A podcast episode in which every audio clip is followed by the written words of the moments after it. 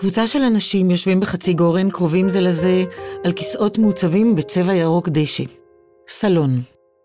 לידם מונחים מיקרופונים. התפאורה, שטיח, שלושה עציצים ירוקים גבוהים מפלסטיק, שלוש מנורות נייר אורז מפזרות אה, אור עמום ונעים, ושולחן אליפטי לבן נמוך וארוך, שעליו מונחים כמה מכשירי רדיו, טרנזיסטורים, טייפ בומבוקס ישן וחבילת טישו. בחדר מפוזרים רמקולים גדולים. אנשים בקהל יושבים על כיסאות, על הרצפה, עומדים וגם זזים בחלל החדר, נכנסים, יוצאים, נכנסים, נשמעת מוזיקה. המקום, גלריה, אגף מרק ריץ' וגבריאלה ריץ', אולם מרקוס בי מיזנה, הידועה בשמה ריץ' תחתון, במוזיאון תל אביב לאומנות. האירוע, תערוכת משך ראשונה מסוגה, שישה שבועות של live art, מופעי פרפורמנס ומחול, הנקראת דמיינו מוזיאון, או הגוף הזוכר, באוצרות של רותי דירקטור. היושבות והיושבים, אנחנו, איריס לנה ויאלי נתיב, מקליטות live את סיפורי זיכרונות ודמיונות, גוף זוכר גוף בתוך גוף, במסגרת הפודקאסט חיות מחול. ואיתנו אורחים, בכל פעם קבוצה אחרת, שהזמנו לספר על אירוע מחול משמעותי, שנשאר חקוק בזיכרון הגוף שלהם, ולהפקידו בגוף המוזיאון.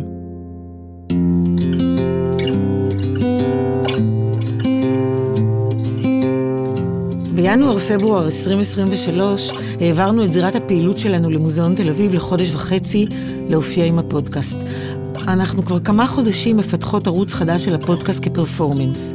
אנחנו חושבות עליו ככוריאוגרפיה ויוצרות מופע, מקליטות live בנוכחות קהל ומשתמשות באמצעים אומנותיים, מוזיקה, תאורה, תפאורה ואביזרי במה. ואנחנו קוראות לזה מיצג, מיצב אודיופוני מותאם למקום, או אם תרצו באנגלית, Performative Site Specific Sound Installation. אנחנו אוהבות לחשוב על המהלך הזה גם דרך המושג העכשווי, קוריאוגרפיה כפרקטיקה מורחבת, משום שהוא מרחיב גם את הפעולה הסטנדרטית של פודקאסט, ראיונות ושיחות עם אנשים באולפן, בסטודיו או בבית, ומותח את מושג הקוריאוגרפיה ואת הציפייה לתנועות ולמבנה מחול מסוגננים ומקודדים. התפיסה הזאת של פרקטיקה מורחבת מציעה את המעשה הקוריאוגרפי למרחבי פעולה אחרים, ומנסחת מחדש את החוויה של מבצעים ושל קהל. במרחבים החדשים האלו אנחנו מתמקמות. בסיפורי זיכרונות ודמיונות במוזיאון אנחנו מאזינות לסיפוריהם של 65 אנשים מעולמות המחול, התנועה והאומנות, שמתארים את הזכור בגופם כצופים, יוצרים או משתתפים. הסיפורים מסרטטים מפה מרובדת, אקלקטית של היסטוריות, שמסמנת את הזיקות ביניהם, אנקדוטות, מקומות, מושגים, אירועים, אנשים, בארץ ובעולם.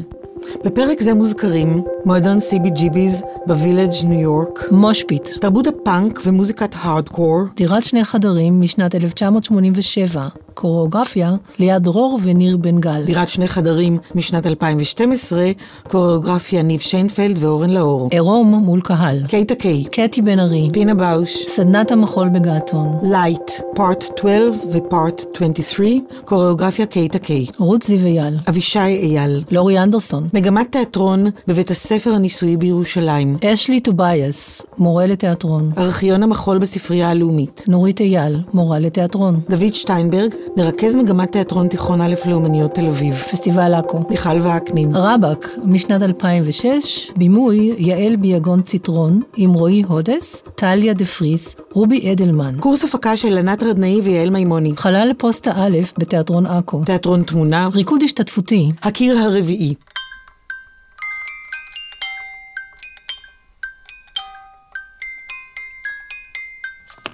אתם מאזינים לחיות מחול, פודקאסט על המחול העכשווי בישראל.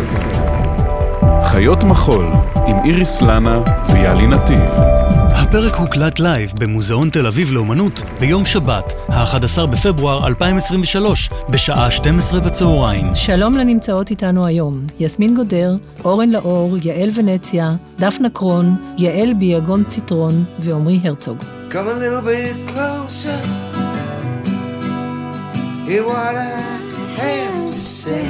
יסמין גודר, רקדנית, קוריאוגרפית ומנהלת אומנותית של להקת יסמין גודר. 1987, אני נערה בניו יורק, כמה שנים אחרי שעברתי לשם, ואני נערה קצת אה, אלטרנטיבית, מחפשת אה, דברים אחרים, קונה בגדים בחנויות יד שנייה, צובעת את השיער לכל הצבעים האפשריים, נזם, ויש לי חברה טובה, קוראים לה אנה, ואנחנו בעצם נפגשנו בתוך חבורות כאלה שמסתובבות אחרי בית ספר אה, ברחובות ניו יורק, לא בבית ספר שלי, והיא דומה בתחומי עניין שלה. וביחד אנחנו מחליטות שאנחנו רוצות איזה יום ראשון לרדת לווילג', ל downtown, וללכת למועדון CBGB's, שהוא, למי שלא מכירה, מכיר פה, זה מועדון אגדי בניו יורק של מוזיקה, שנשים כמו פאטי סמית ובלונדי ורמונס ו... מלא להקות פאנק ורוק ועשייה אומנותית מדהימה שקרתה שם מבערך שנות ה-70 עד לפני עשר שנים, שהוא נסגר. אז אנחנו מחליטות ללכת לסנדיי מתני, להארדקור מתני. מה זה הארדקור? זה סוג של אה, מוזיקת פאנק אמריקאית, אינטנסיבית, צועקת, בועטת, אנטי-ממסדית. ואנחנו מחליטות ללכת ביחד פעם ראשונה בתור נערות צעירות, לחוות את הדבר הזה. אנחנו לוקחות רכבת לרחוב אסטר פלייס, ומתחילות ללכת על הבאורי, והבאורי זה רחוב גדול כזה רחב, ובאותם שנים הוא היה מאוד לא מפונפן כמו שהוא היום, ככה בלי תאורה ועם מלונות אה, של הומלסים, ומקום כזה ששתי ילדות אה, בנות 13-14 לא בדרך כלל מגיעות אליו. ואנחנו הולכות ברחוב הזה ומתקרבות לסיביז ורואות שם חבורות של פנקיסטים וחבר'ה כמונו יושבים בחוץ, שותים בירות וזה. קונות כרטיס ונכנסות אה, למועדון שהוא בעצם מתחיל במין אה, מסדרון מאוד מאוד ארוך כזה, שכל כולו בר, כאילו משמאל. ואז מגיעים לחדר לא מאוד גדול, שיש בו להקת הארדקור אינטנסיבית, חם בטירוף ומלא אנשים כזה מתפרעים במרכז אה, של החלל, במה שנקרא המושפיט, וניסיתי לתרגם את זה וזה כאילו חור ההתגפפות או הת... אולי לא התגפפות אבל ההתנגשות.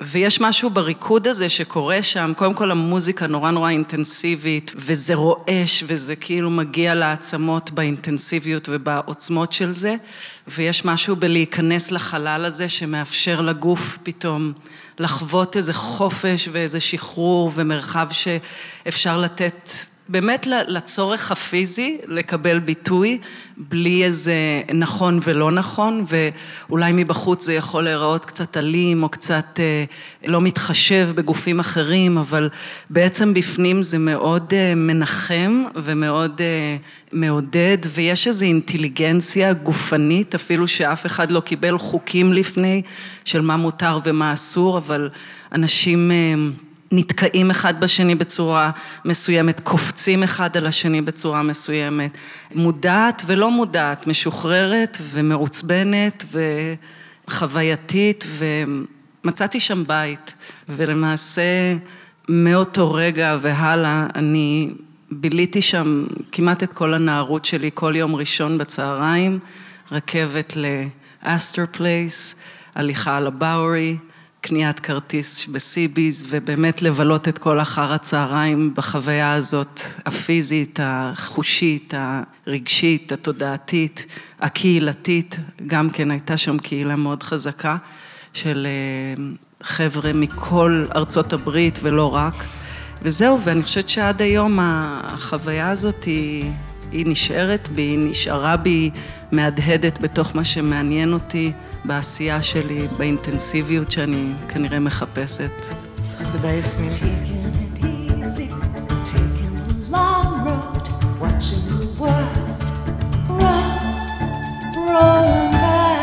אורן לאור, רקדן, קוריאוגרף, מנהל אומנותי של במת המחול בתיאטרון תמונה.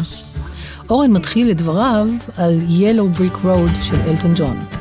השיר הזה לקוח מהעיבוד המחודש שלנו לדירת שני חדרים, של אה, ליעד דרור וניר בן גל, זוג כוריאוגרפים שיצרו את העבודה המקורית בשנת 87, אה, וניב שיינפלד ואני, בני זוג בחיים ויוצרים ביחד כבר כמעט 20 שנה, החלטנו לעשות עיבוד מחודש לדירת שני חדרים, האיקוני.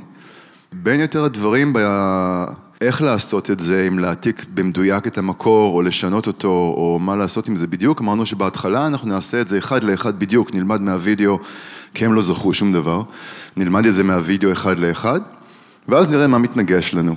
אחד מהדברים שהתנגשו לנו ישר על ההתחלה זה סצנה שבה ליאת ניגשת לניר, ומפתה אותו, כזה סוג של בוא נלך למיטה, מורידה ממנו את הז'קט, מורידה את המכנסיים והוא לא רוצה, ואז היא מורידה עוד פעם והוא עוד פעם כן רוצה, והיא כזו נורא חתולית, ועושה חיינדלח והוא עושה לה חיינדלח בחזרה, כזה hard to get. וזה מסתיים ברגע שהוא קופץ עליה והיא, קופ... והיא זורקת אותו לרצפה וקופץ עליה שוב והיא מתיחה אותו שוב ברצפה, זו הייתה הסצנה.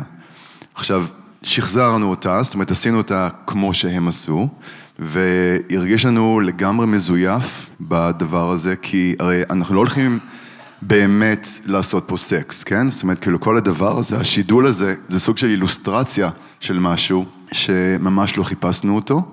בנוסף, הם היו צעירים בני עשרים וקצת כשהם עשו את הדואט הזה, אנחנו היינו כבר בני ארבעים, לפני עשר שנים.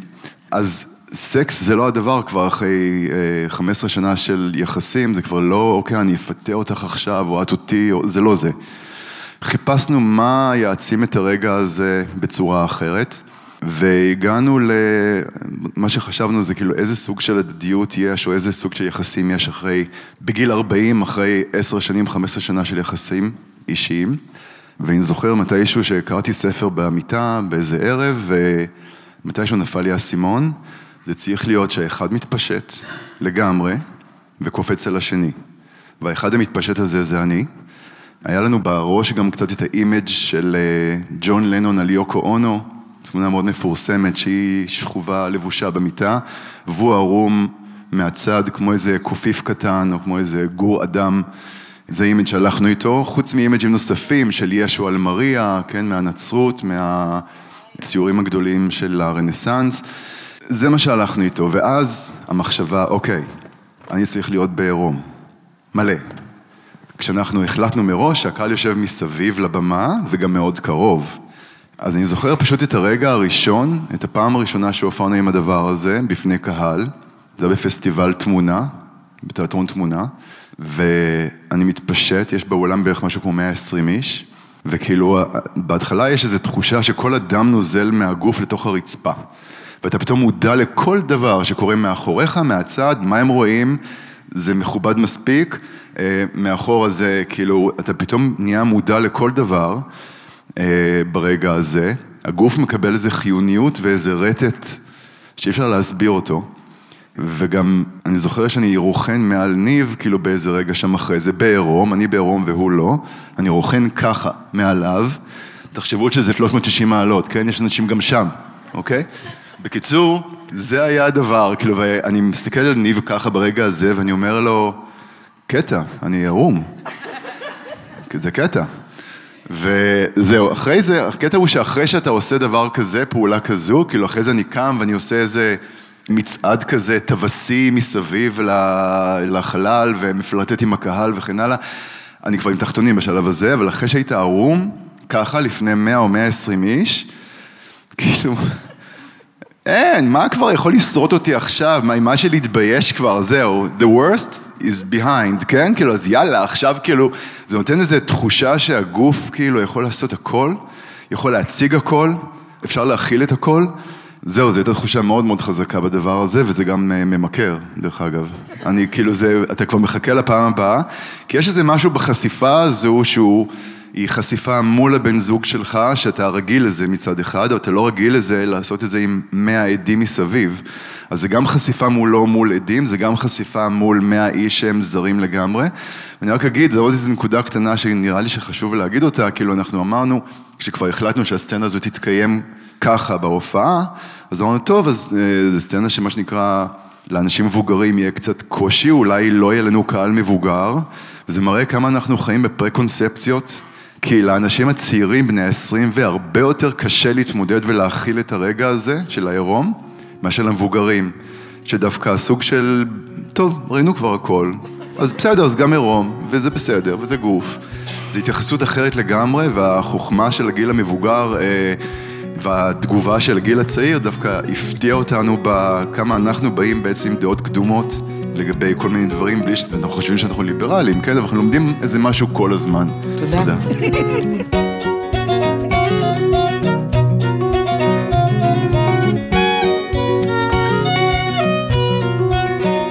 יעל ונציה, דרמטורגית, מנטורית, מלווה אומנותית, רקדנית.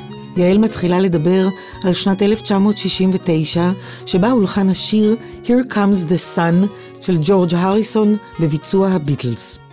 באותה שנה שהשיר הזה הולחן, הקימה קיי, קוריאוגרפית יפנית, את הלהקה שלה במקום אחר בעולם, בניו יורק, את הלהקה שלה שנקראה Moving Earth. אני עוד הייתי ילדה, אבל הלהקה, הלהקה כבר קמה שם בניו יורק, בסצנה של אה, המחול העכשווי בניו יורק, של ה-contemporary dance.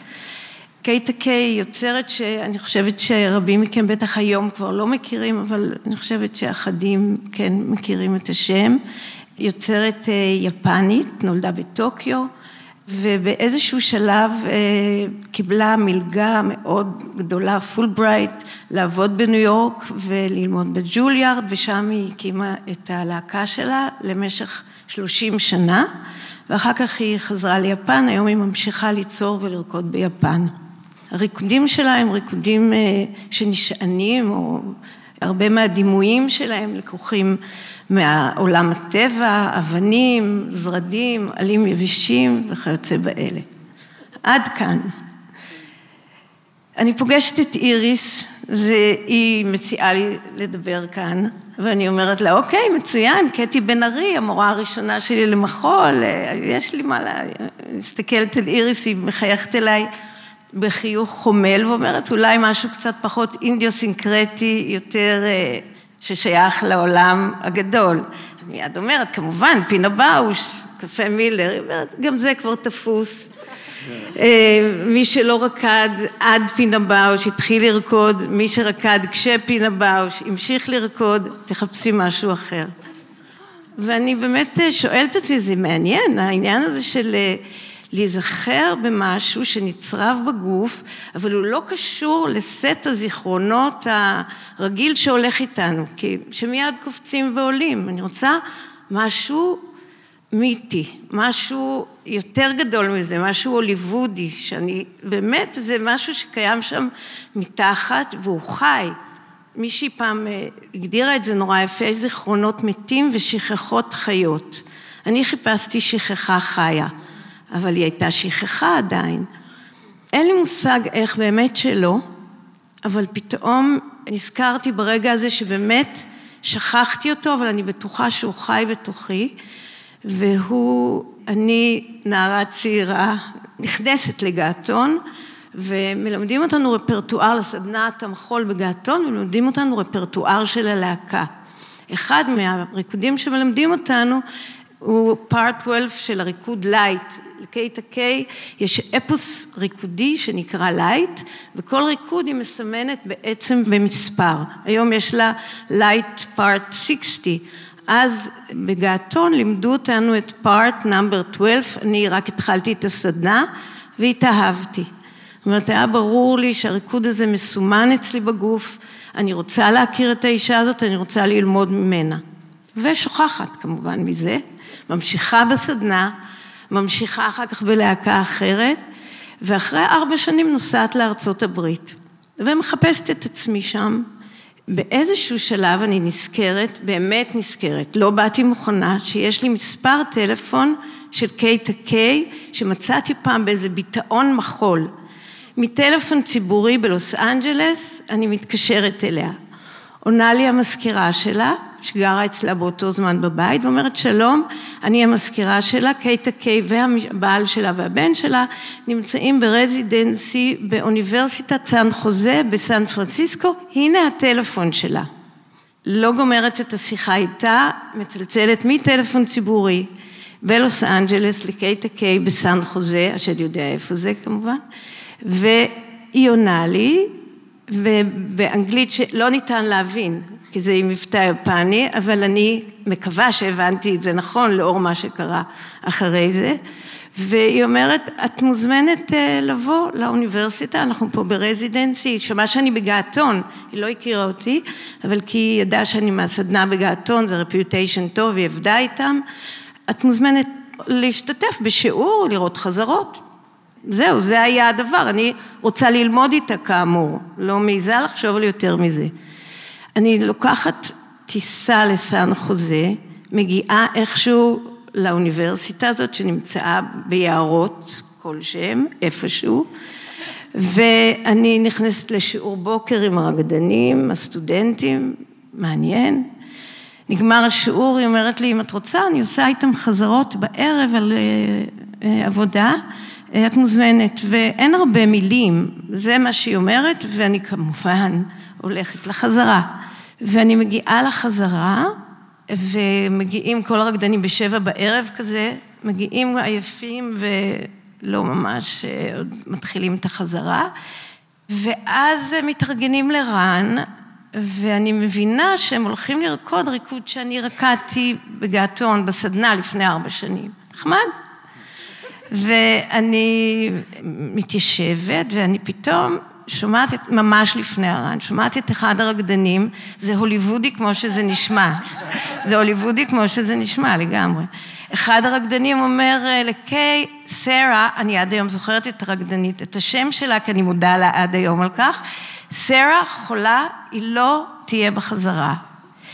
ואז באותו רגע, שאינני יודעת מאיפה הקול הזה יצא, בקע, כי זה באמת לא אופייני לי, אבל אמרתי, אני יכולה להחליף אותה, כי אני רקדתי את הריקוד הזה. באנגלית שבורה גם כן, וקייטה קיי, שהיא כזאת מכניסת אורחים, כפי שכבר הבנתם, היא אמרה, בבקשה, בואי, תיכנסי. ואני עכשיו צריכה, אחרי ארבע שנים שלא רקדתי את העבודה הזאת, אבל אני אהבתי אותה והיא כן נצרבה בגוף, אין ספק, צריכה לרקוד את הריקוד הזה, אחרי שאני מציעה את עצמי בכזה ביטחון. ואכן עשיתי את זה, אין לזה סוף מר לסיפור הזה, יש לזה סוף נהדר. עשיתי את זה ולא שכחתי שום דבר, אין לי מושג איך זה קרה, אבל זה קרה. זאת אומרת, אם זה קרה, אז זאת הוכחה שדברים כאלה יכולים לקרות. ואז אחרי החזרה הזאת, היא שאלה אותי מה התוכניות שלי וככה, והזמינה אותי באותו יום לרקוד בלהקה שלה בניו יורק. היא לא גמרה את המשפט, אני כבר רצתי לארוז את הדברים ונסעתי לניו יורק. ועוד קודה קטנה לסיפור הזה, רקדתי איתם בניו יורק, למדנו עבודה כדי לרקוד בפסטיבל ישראל, את Light number 23, רקדנו אותה פה בארץ, ואחרי עשר שנים אני בחדר לידה עומדת ללדת את בתי הקטנה, ואין מקום בחדר לידה ואני עם צירים שלא מתקדמים, ואז אני מתחילה לרקוד את Light Part 23, כשבן זוגי יושב ככה, ולאור מבטיהם המשתאים של האנשים, אבל זה ריקוד שאני בהחלט עד היום זוכרת, רוקדת אותו באסף הרופא, הלוך חזור, והייתה לידה מעולה וילדה נהדרת.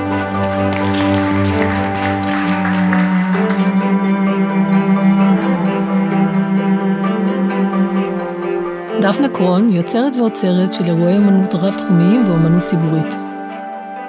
כיכר לחם. אישה נעה על במה. יש לה בגד כזה מלא כיסים, אולי חום, גוונים של חום בהיר וכהה, אולי. היא מוציאה כיכר לחם, היא עושה קולות עמוקים. הו, הו, הו. היא מרימה את הלחם, היא בוצעת לחם, היא קורעת לחם, היא מפזרת את הלחם, היא נוגסת בלחם, הכל מתמלא פירועי לחם וחתיכות לחם קטנות. היא אוכלת את הלחם, היא יורקת את הלחם, היא מסתובבת. היא מסתובבת. זאת בעצם אישה אחרת, על במה אחרת, במקום אחר בארץ. איפה? אני לא יודעת. היא מסתובבת. עוד ועוד ועוד, היא מסתובבת, מסתובבת, מסתובבת, מסתובבת. איך אפשר להסתובב כל כך הרבה? מסתובבת, מסתובבת. אני מסתכלת עליה מלמטה. האישה עם הלחם כל כך מטלטלת את עולמי ואת עולמה של נורית, שמיד כשאנחנו מגיעות לבית שלה בהרצליה, אנחנו עולות למעלה לסטודיו של אימא שלה. קוראים לה רותי, היא היוצרת שעומדת מאחורי העבודות מחול הללו. בעולם קוראים לה רות זיו אייל, אבל אנחנו קוראים לה רותי אייל. הסטודיו שלה הוא אחד המקומות הכי יפים שיש. זו עליית גג, יש גג אלכסוני וחלון פונה לחצר. בצד השני של החצר ממוקם הסטודיו של אבישי, אבא של נורית הצייר. הרצפה של הסטודיו עשויה עץ חום, והיא נעימה למגע, ממש נעימה. אנחנו יחפות, אני שמה עליי מין שק כזה או בד גדול כזה, אני נעה בחלל בתנועות גדולות, פניים מוסתרות, אני עושה הו, הו, הו. אני רצה אחרי נורית ונורית אחריי, אני פרא, הגוף שלי זז בחופשיות, אני כבר מזמן לא ילדה, אני ענקית, יש לי גוף ענק, אני עושה הוא, הוא, הוא, עמוק ומפחיד. השיער שלי פזור ופרוע ממש על הפנים, אני כבר לא בבית של נורית ואני לא בסטודיו, לא. אני לא בגוף שלי ואני לא בעולם. אני בדמיון וביצירה, יש לו ריח וטעם ותחושה שלעולם זוכרים. אני נשאבת אל העולם הזה באופן מוחלט. רגע הצפייה ורגע השחזור של היצירות של רותי, בעיקר הרושם האדיר, הפרגמנטלי, הרוח שהביאה להתכתבות עם היצירות, פירוק והרכבה מחודשת שלהן על ידי שתי ילדות בנות, נניח שבע ושמונה, אי שם בשנות השמונים, הוא אחד מהזיכרונות החיים שמלווים אותי. לצד הסרט של אורי אנדרסון שהגיע לארץ, ביקורים בבית של אברהם אופק, להתפלח עם אימא בהפסקות להצגות בפסטיבל ישראל, לצפות בעבודות של רות זיו אייל שאינן מיועדות לילדים וילדות. כל אלה בנו איזה DNA של הגוף הקטן שהפך בית ליצירה. בכיתה ט' או י' אני חוזרת לסצנת הלחם של רות זיו. מגמת תיאטרון בבית ספר הניסוי בירושלים. גרסה מופרכת והוקו טינג'רית לאדיפוס המלך. אני, זוהר ומיכל רוקם, זה הלך בערך ככה. זוהר הייתה אדיפוס, מיכל ואני היינו שתי ורסיות של יוקסטה, לבשנו כותנות לילה לבנות, שרנו שירי ארס בשוודית, השמענו שירים מ-The Wall, כיאה לנערות בניינטיז. הייתה שם סצנת מין לסבי, בן זוהר ומיכל על הבמה, וכמובן שחזור פתטי במיוחד של סצנת הלחם. בה אני מגיעה עם כיכר הלחם, מפזרת, בוצעת, מפוררת, וכולנו אוכלות.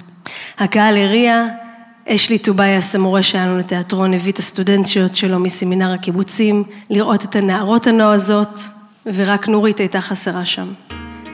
בארכיון רות זיו אייל שבספרייה הלאומית לא מצאתי תיעוד של יצירת הלחם המפוארת. חיפשתי את נורית בשביל לשאול אותה על העבודות ועל השחזורים שלנו שנטמעו לי כל כך חזק בזיכרון ובגוף. נורית לא חזרה אליי.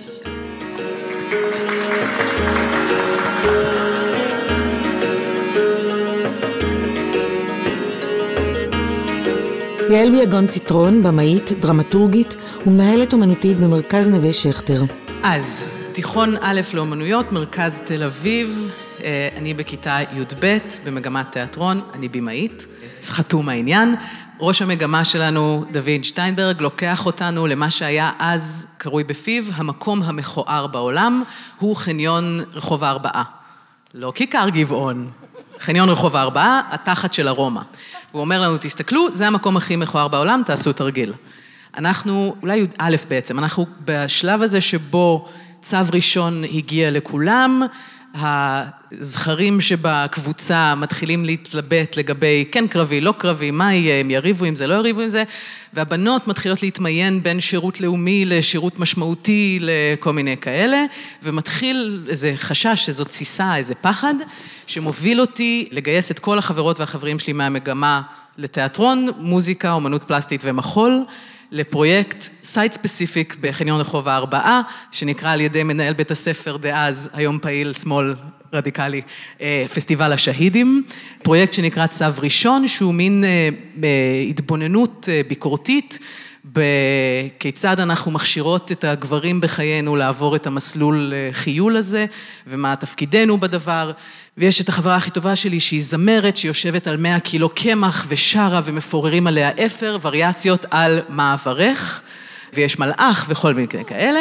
שנה אחרי זה התקבלנו לפסטיבל עכו. אה, בינתיים הרבה מהגברים סביבי התגייסו, כולל כאלה שכבר גילחתי להם את השיער ועזרתי להם לסדר את המדים. מלחמת לבנון השנייה בשיאה בתהליך החזרות. ואנחנו התקבלנו לפרויקט, אני סיימתי תיכון באמת חודשיים לפני כן, פחות או יותר, עם אבולוציה של הפרויקט הזה, שנקראת רבאק, שזה, למי שכמוני לא הייתה בשירות קרבי, הסבירו שעושים דברים ברבאק בצבא, ברעל, ברבאק.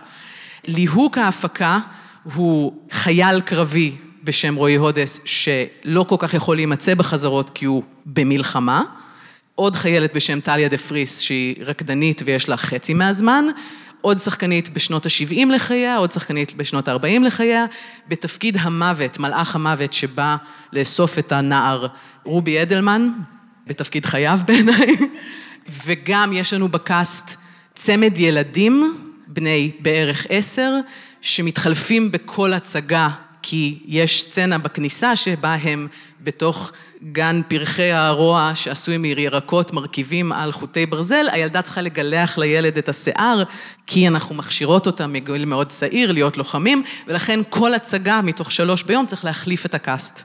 מבית ספר השומר או משהו כזה בעכו. אז יש לנו מפיק בן 17 שאחראי על הילדים, ומיכל וקנין, המפיקה שלמדה, סיימה את קורס ההפקה של ענת רדני ואייל מימוני בערך חודשיים לפני זה, וסיכמנו ששתינו, בינינו, נצליח לעשות את הדבר הזה. החלל שמוגרל לצורך הדבר הזה, למי שמכיר את עכו לפני שהיא הפכה לאולם אירועים כזה משויש, הוא הפוסטה. שזה מבוך מוות אפל ובוצי ותחוב, שבו יש מין שלושה מסדרונות עם קשתות ביניהם, רצפת בוץ, לא יציבה, לא ישרה, לא כלום, לחה, וכל התקרה מכוסה במין תחב בוצי כזה, שמטפס בדיוק עד למושבות העטלפים שגרות בתקרה. זאת אומרת, בקצה של כל מסדרון כזה, ויש ארבעה, יש מושבת עטלפים קרובות אחת לשנייה, אני מניחה, באיזשהו אופן. אה, ואנחנו צריכים להסתדר בתוך החלל הזה שהוא מחוץ לגני הפסטיבל, הוא לא באזור היפה של הפסטיבל, הוא בערך כמה דקות ארוכות של הליכה מהפסטיבל, אין שירותים, אין זה, והוא צמוד למסגד. אז שם אנחנו מתמקמים, אנשים שחצי מהם בני 18 והחצי השני בכל שאר הגילאים בעולם, ואחת הדאגות שעולות אצלי, חוץ מזה שיש לי שחקן ראשי בחזית, ועוד שחקנים אחרים שלא מבינים לאן הפרויקט הזה הולך ולמה הם הסכימו לסמוך על ילדה בת 18 עם הפרויקט הזה, זה העטלפים. אז אמורים לי בתחילת ההכנות לפסטיבל, קחי את הפוסטה, אנחנו נטפל בעטלפים. עד הפסטיבל לא יהיו עטלפים. ואני אומרת, בסדר, דבר אחד פחות לדאוג לו.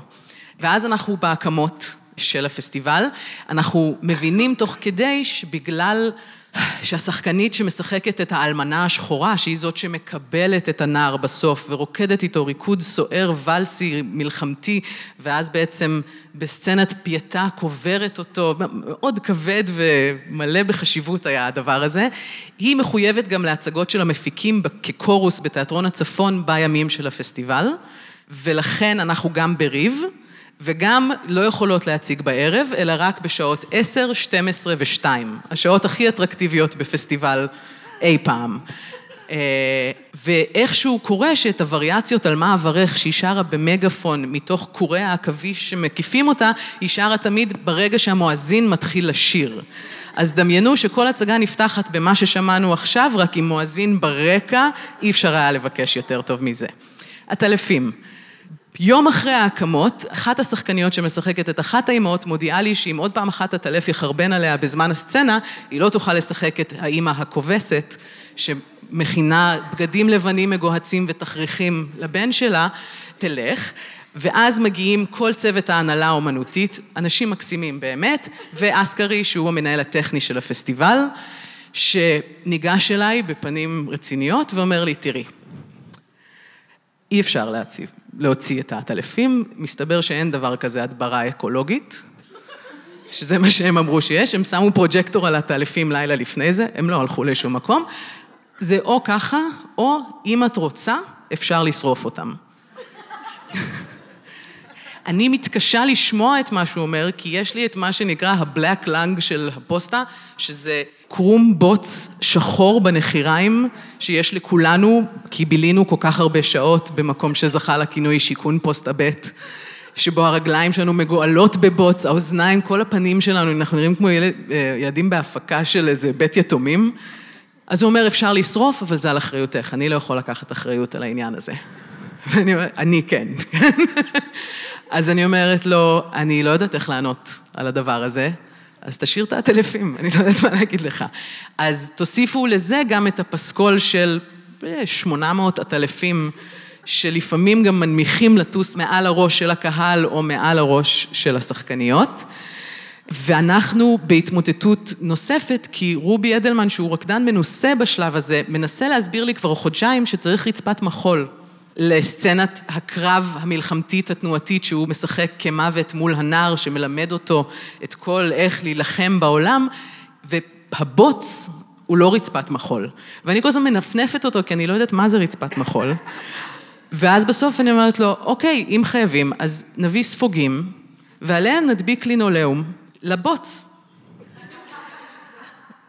רובי לא מדבר איתי כבר יומיים בשלב הזה, כי אין רצפת מחול והם נפצעים ומלוכלכים נורא. אנחנו כולנו מתחילים להשתעל, כי אנחנו כבר לא יכולים לנשום בתוך המקום הזה, ויש ילדים חצי מגולחי ראש, כי הבטריות של המכונת גילוח לא ניתנות במקום שאין בו חשמל. ואנחנו לא ישנים בלילה, כי יש סך כל כך גדול של חרדות בגוף שלי, שאני פשוט נשכבת באכסניית מנוף, שהיא מדגרת זרע לבטלה. מין כפר נוער בסיכון שריק בקיץ, אז מלינים אותנו שם, עם כזה מקלחת מג"ב, ואנחנו ישנים שם במיטות עץ, אבל לא ישנים כי מחר יום שלם חדש של חרדות. והסיטואציה האחרונה שאני זוכרת היא, אני יושבת ובוכה באמצע המדרחוב של עכו עם מיכל לידי, ואני אומרת לה, אני לא חושבת שיש הצגה. אני לא חושבת שזה דבר שהולך לקרות, והיא לא עונה לי, כי אין מה לענות בשלב הזה, אבל היא מלטפת אותי ואנחנו חוות רגע מאוד אינטימי של חברות, ואז עולים.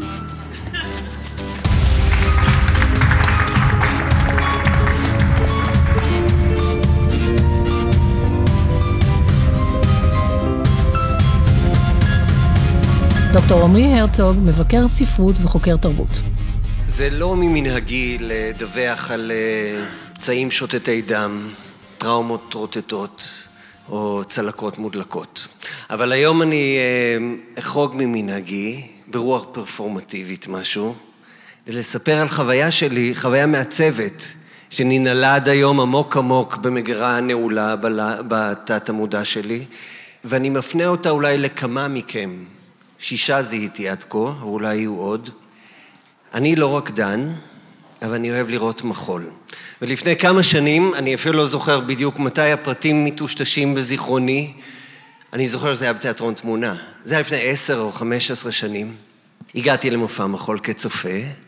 ההתחלה הייתה גנרית, כן? שלושה רקדנים, שתי רקדניות ורקדן אה, התפתלו על הבמה, ואז אחת מהן התרוממה ועמדה מול הקהל והביטה בקהל. ואני זיהיתי את המבט הזה. זה המבט של ציידת או צלפית. עכשיו, לפני שאני אגיד מה קרה הלאה, אני צריך לספר משהו קטן על עצמי. יש לי גוף, אבל מערכת היחסים בינינו היא די קרירה.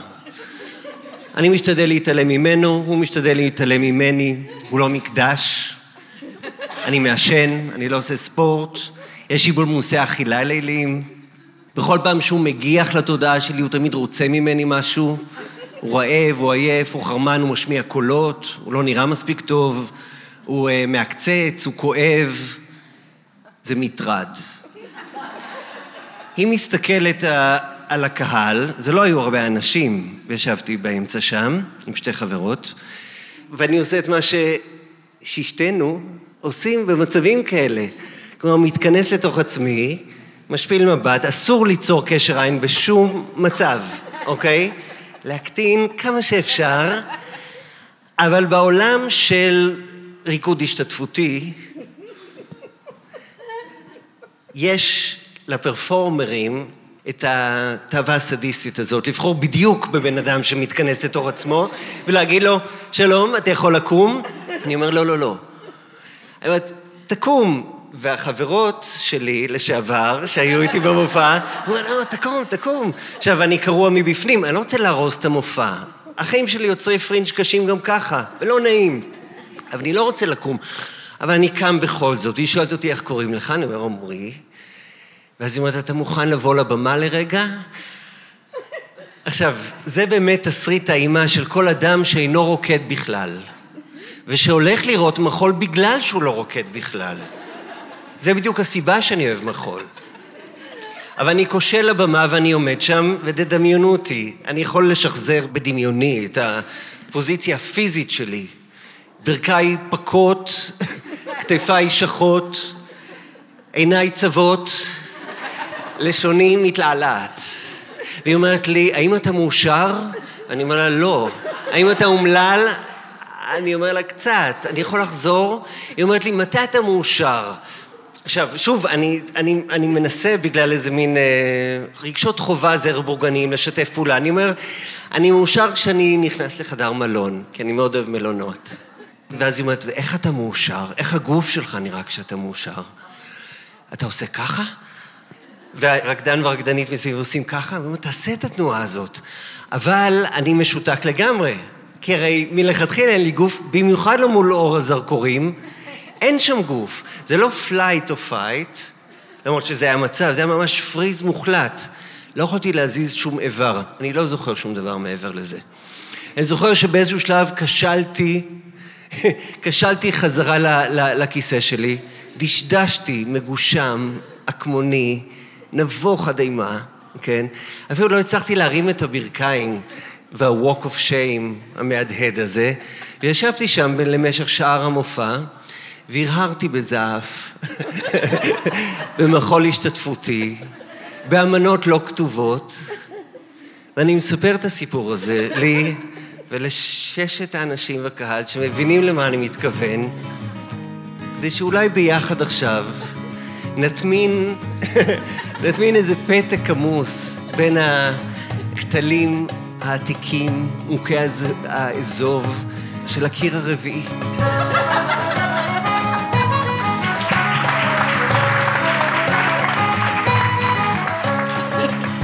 תודה לכם שהייתם איתנו, שיתפתם אותנו בסיפורים שלכם והפקדתם אותם בפודקאסט.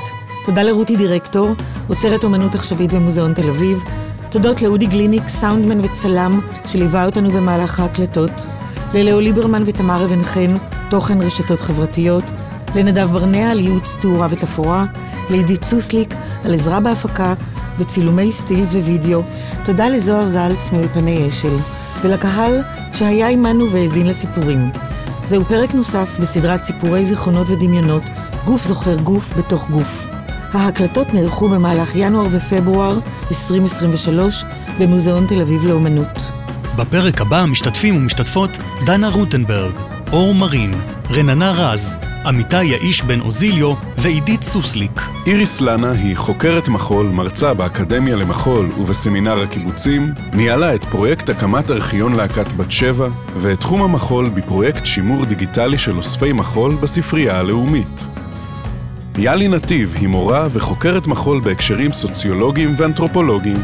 היא מרצה בכירה במכללה האקדמית לחברה ואומנויות, ASA, כותבת על חינוך לאומנויות, סוציולוגיה של הגוף, התנועה והמופע, ועל מחול והחברה הישראלית. מחקרה העכשווי עוסק ברקדנים מקצועיים מזדקנים. יאלי היא יושבת ראש עמותת הכוריאוגרפים. אנחנו מזמינות אתכן ואתכם לבקר באתר הפודקאסט חיות מחול, שם תמצאו תצלומים, קטעי וידאו וכישורים לדברים שדיברנו עליהם בפרק זה, ולהקשיב לפרקים הקודמים של הפודקאסט. הפקת הפודקאסט נערכה בשותפות עם המחלקה לדיפלומטיה תרבותית במשרד החוץ. הפודקאסט הוא חלק מפלטפורמת השיח טייץ, מחול ומחשבה. הפקה איריס לנה ויאלי נתיב. תודות לעידו פדר, לעמותת הקוריאוגרפים ולמשרד התרבות והספורט.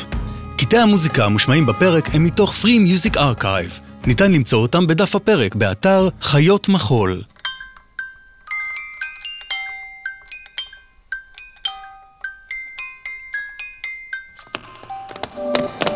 האזנתם לחיות מחול עם איריס לנה ויאלי נתיב.